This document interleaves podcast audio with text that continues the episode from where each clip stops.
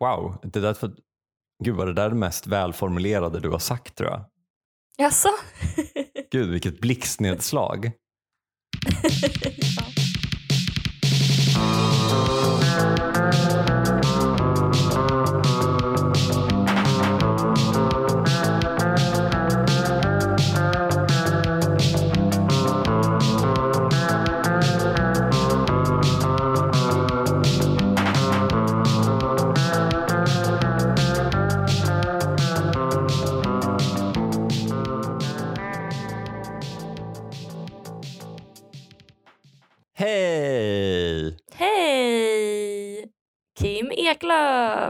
Hej Ellen Theander och välkommen till din podcast Tusen saker. Vi betar av en lista med tusen saker.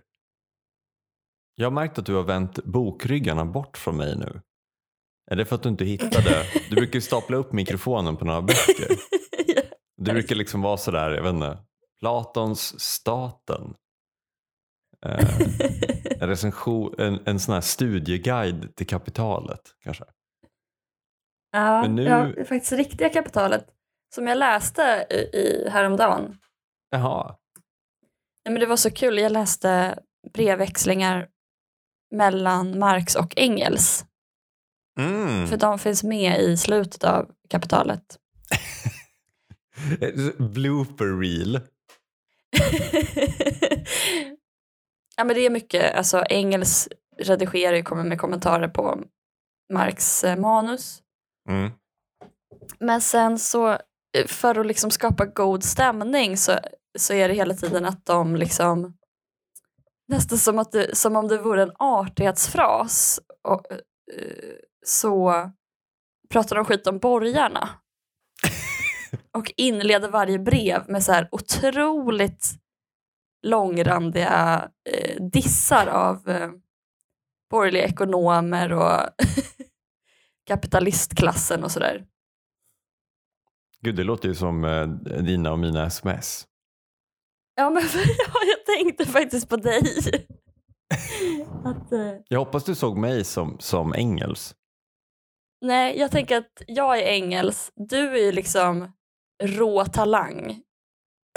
Och jag är den som liksom redigerar och Ja, Alltså, Eh, i, den här, I den här podden, måste absolut. försöka tygla din, ditt geni. Och ge dig uppmuntran. Som när du klippte bort hundratals försök till, till liksom smakfulla våldtäktsskämt. Precis.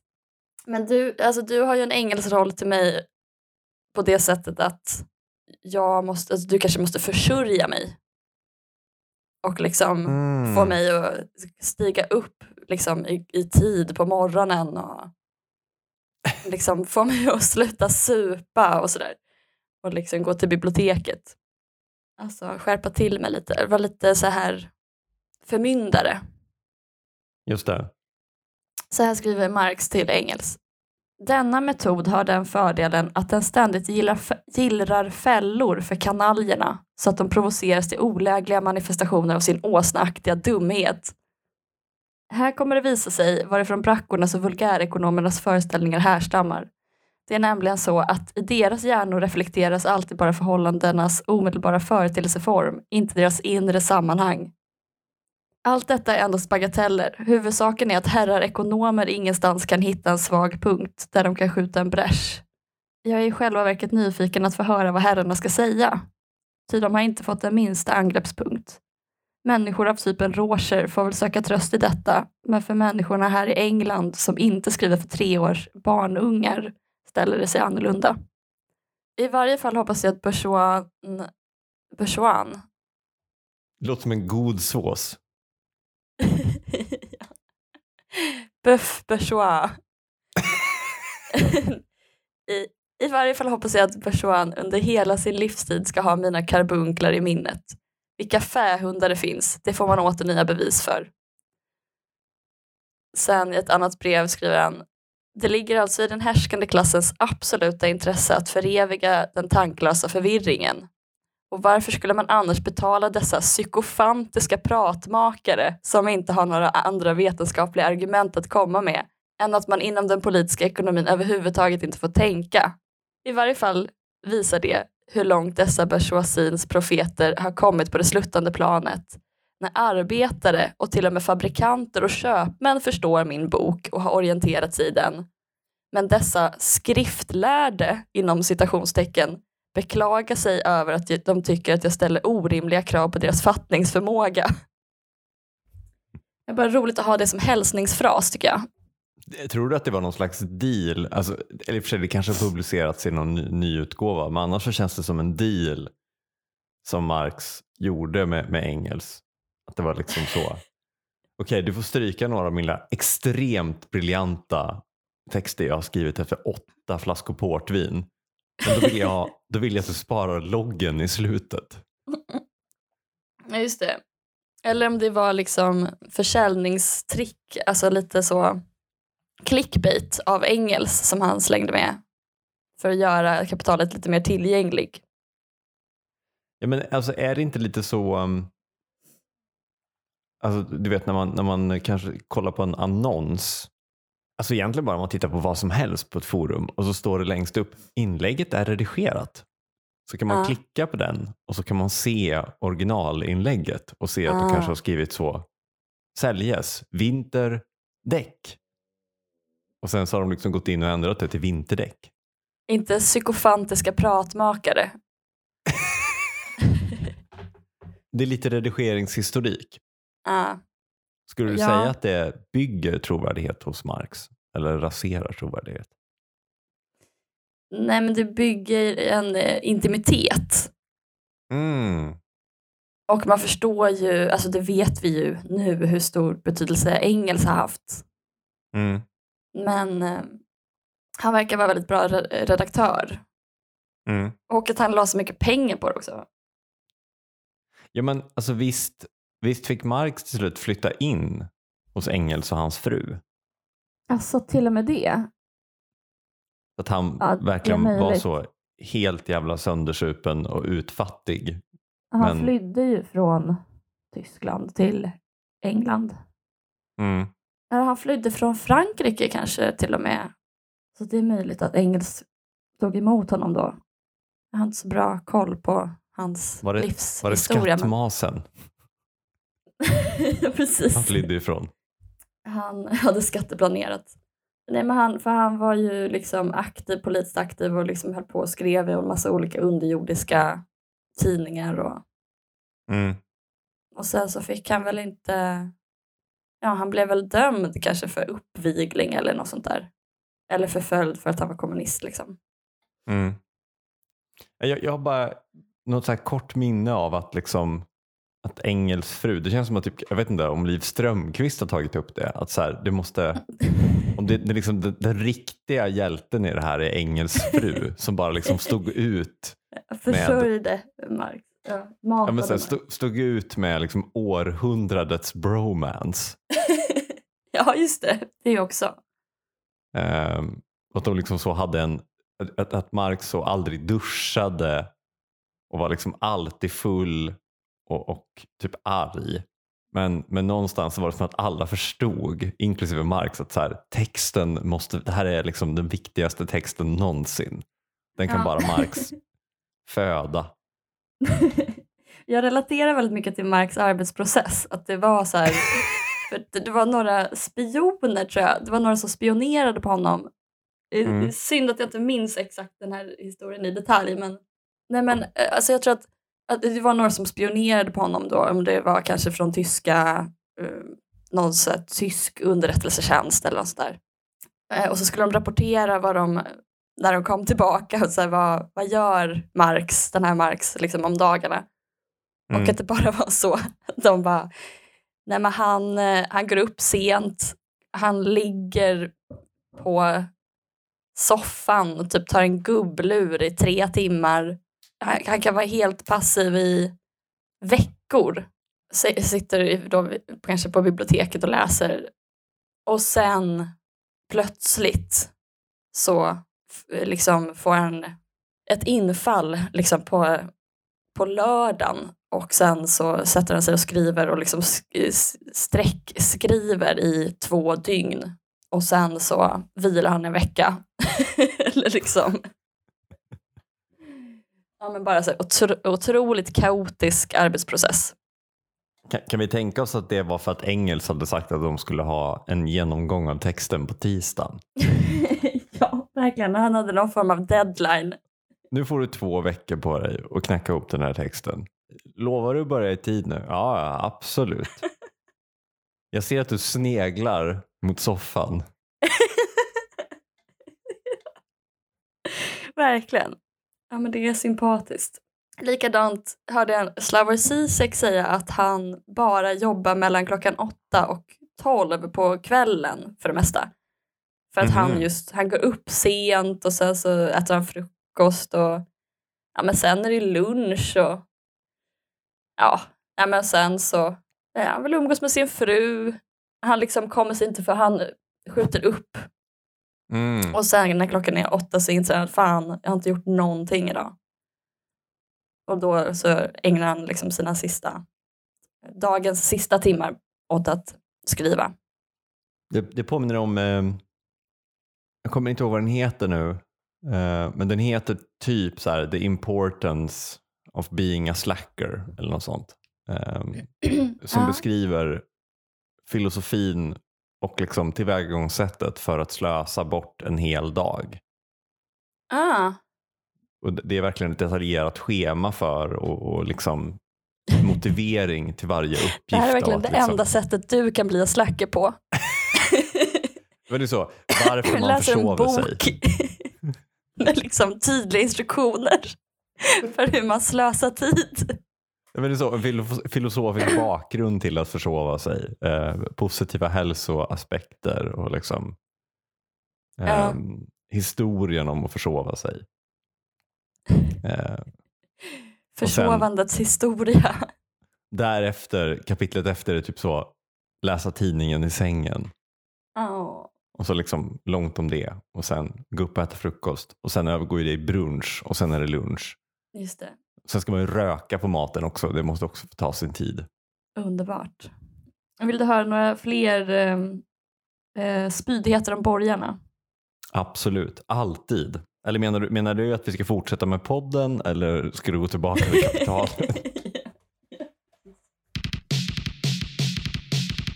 Punkt 364. Kim kryper in i livmodern varje gång han åker i sin bil. Oidipal bilkörning. Det här är ju på tal om Marx och Engels. Det här är ju en punkt som du har dikterat åt mig tror jag. När Ja. eh, någon av dina tusentals eh, tågtimmar som du hade för tre år sedan. Som jag ägnade åt att du- bara skriva ner allt du sa. Vad går mitt liv ut på? Vad är meningen med mitt liv? Det, det är ju tillfredsställa män på ner. olika sätt. Hålla män på gott humör. ja. Jag skickar minnesanteckningarna efteråt. Jag kan korrläsa. Jag hoppas att vi någon gång ska också komma till punkten där jag återger en sallad du har ätit. Alla ingredienser. Längtar. Jag förstår att det, det, får, bli, det får bli på vår första och sista livepodd. Jo, nej men eh, det här med oidipal bilkörning eller det här med liksom tryggheten i en bil. Mm. Ehm, det är ju ganska aktuellt nu i och med Putins krig Mm. som eh, Sveriges Radio har valt att kalla det. vilket Jag tycker är ett fint prodemokratiskt ställningstagande. Ja. Han gör allt själv. det är så i linje med hans personlighet också. Alltså att han är så, han marknadsför sig själv som en sån, att han liksom har typ bar överkropp och sen så gör han någon slags judogrepp på en björn. Han kanske rider på en häst, barbacka, håller ett vapen, alltså du vet. Ja, Så det är väldigt eh, smickrande för honom kan jag tänka mig. Att, eller, det, är liksom, det är hans självbild, att det är, han, det är hans krig. Det är han som liksom brottar ner alla ukrainare en och en med judo. det, det är ju en av de få exemplen på manlig kroppsaktivism. För det finns ju många tv-serier som, som odlar en, en eh, orealistisk kroppsbild hos män.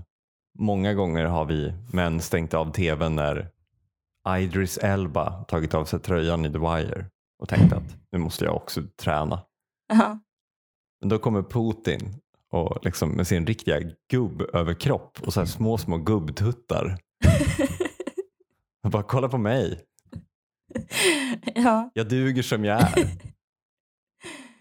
Även en man med Ehm, hängbröst kan erövra eller ockupera ett annat land. Ja men bilen då? Tillbaka till bilar.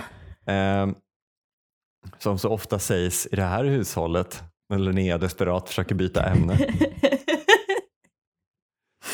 Jag tycker vi kommer bort lite från bilen. Vad som faktiskt betyder något, bilen.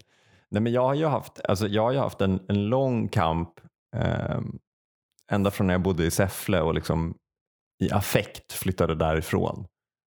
Och bara, jag hatar bilar, jag hatar raggare, jag hatar hela bilkulturen. För det var ju liksom det som fanns i Säffle. Mm. Men sen är det som att du kan ta värmlänningen i Värmland men alltid Värmland i värmlänningen. Mm. Så har det kommit smygande.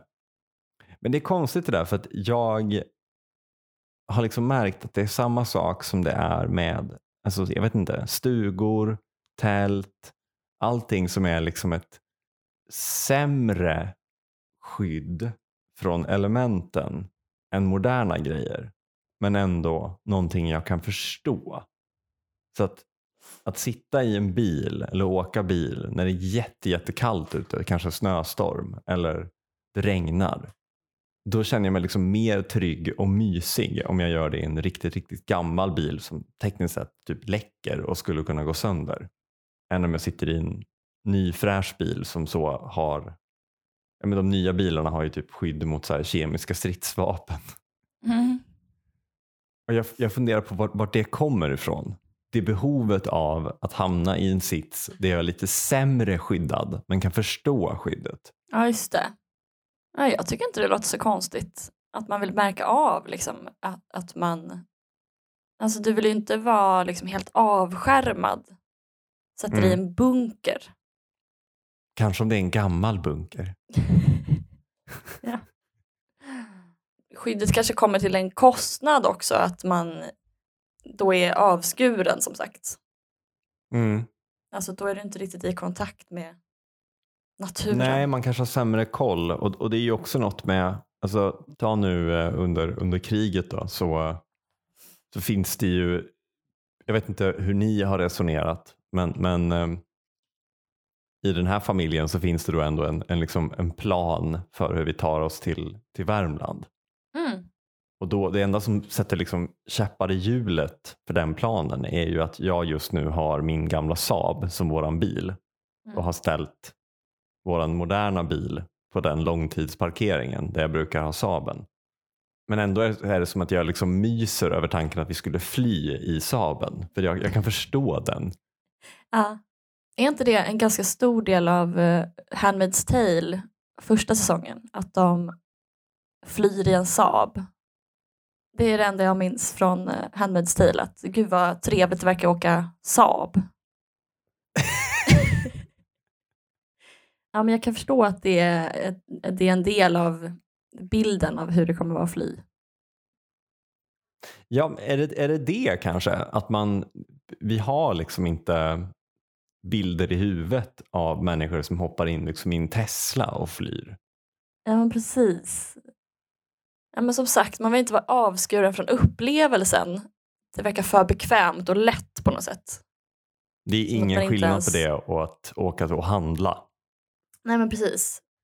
För det är ju mycket mysigare att sitta i, liksom, en stuga på landet och typ elda i, i en halvsunkig vedspis och hålla sig varm. Man kanske är lite kallare än vad man egentligen vill vara. Mm. Men det känns ändå mysigare och tryggare än att sitta liksom i ett nybyggt lägenhetshus Ja men verkligen. i samma snöstorm. Ja.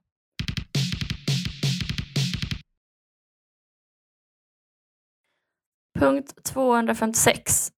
Kan inte ha en rutin.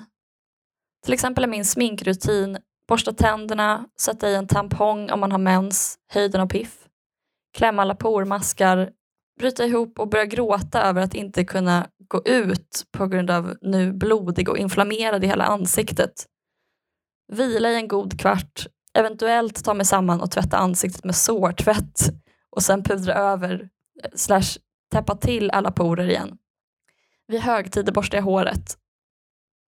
Vem kan ha skrivit det här? Nej men det här, alltså, så här är det för mig 51 veckor om året. Mm. Att jag eh, är liksom puckelryggig, anemisk, Mm. olyckligt kär, ghostar min tandläkare, har helt eh, liksom, blodsprängda ögon och eksem.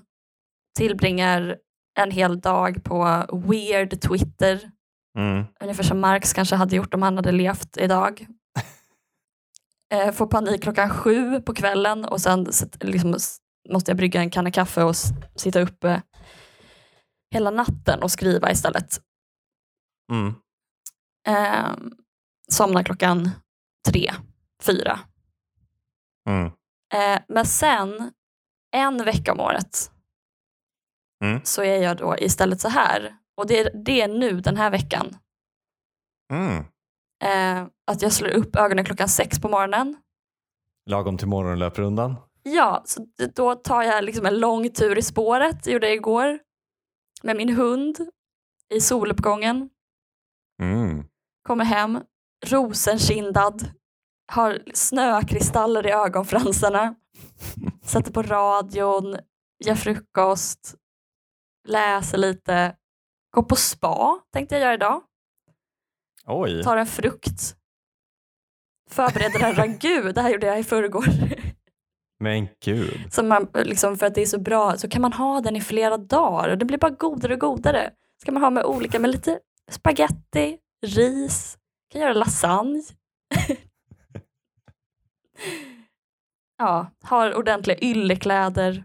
Och det är då nu när jag är i fjällen. Mm. Och det är underbart på sitt sätt. Men jag tänker att det är liksom som jul ungefär. Mm. Att man behöver bara göra det en gång. Alltså det räcker att det är en vecka per år. Alltså det är jättetrevligt och så. Men jag vill Mm. inte äta sill varje dag. Mm. Jag vill inte öppna pa- presenter varje dag. Vad önskar man sig efter 365 dagar jul? ja. ja. Det kanske inte hade varit, alltså det hade kanske, om man hade fått liksom någon liten, en blomma kanske per dag. Just det. Ja, det vore i och för sig något. En snittblomma per dag. Ja. Vykort. Ett, ett, eh, ett icke-slött rivjärn. Toaborste behöver du byta Mm. ut. Taskigt. Roast. Det behöver jag säkert. eh, För Gud vet när man ska byta toaborste. Nej, det är det. Det här drabbade faktiskt en kollega till mig häromdagen när vi var på loppis så var det en så här, nyinslagen toaborste där. Och han bara jävlar, jag måste byta toaborste. Jag kommer inte ihåg när jag gjorde det sist. Man vet ju inte, alltså det hade verkligen kunnat vara en använd toaborste som någon har slagit in för att man ser verkligen ingen skillnad. Exakt. Nej men det är bara det att det är liksom, jag uppskattar det men jag vill inte göra det, jag vill inte leva mitt liv så. Alltså du vill inte ha rutiner. Nej. Förutom om en gång gör- per år. Om du gör kaos varje dag, då är det ju en rutin. Nej. Gud, jag blir helt kall.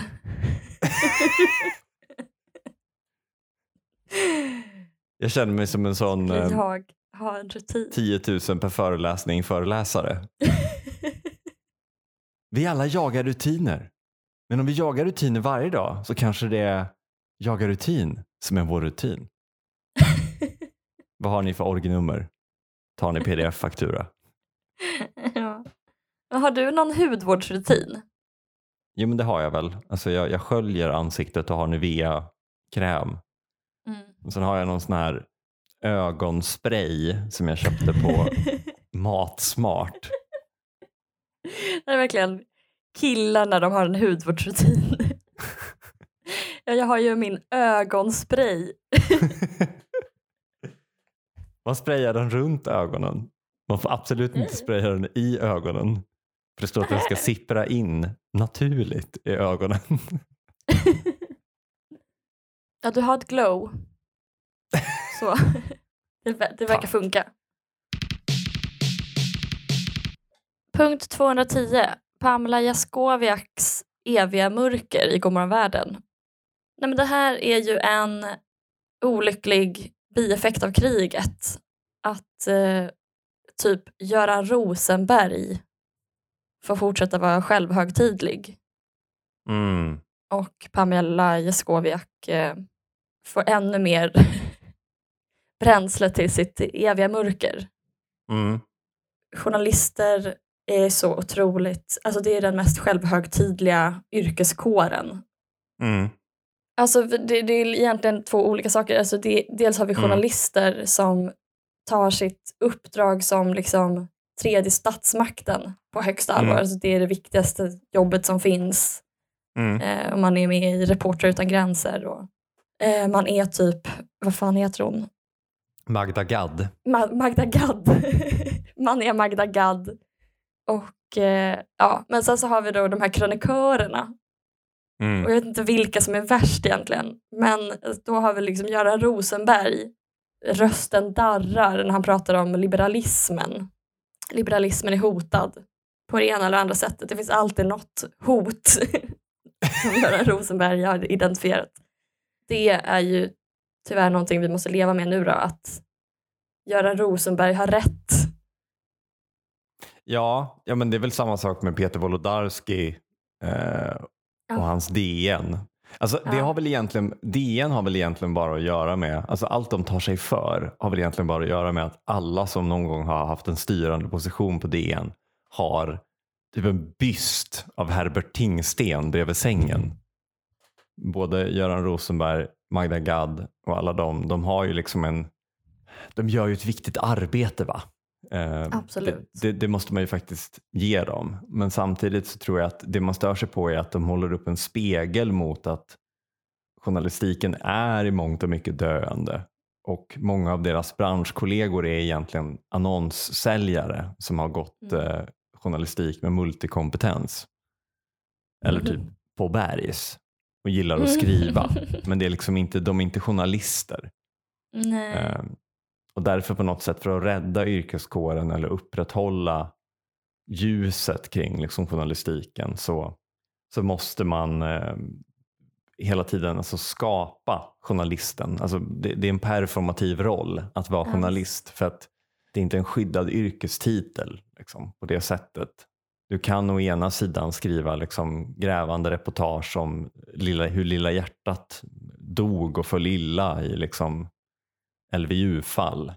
Och du kan göra långa granskande reportage eh, i internationella samfund om eh, Panama-pappren eller motsvarande.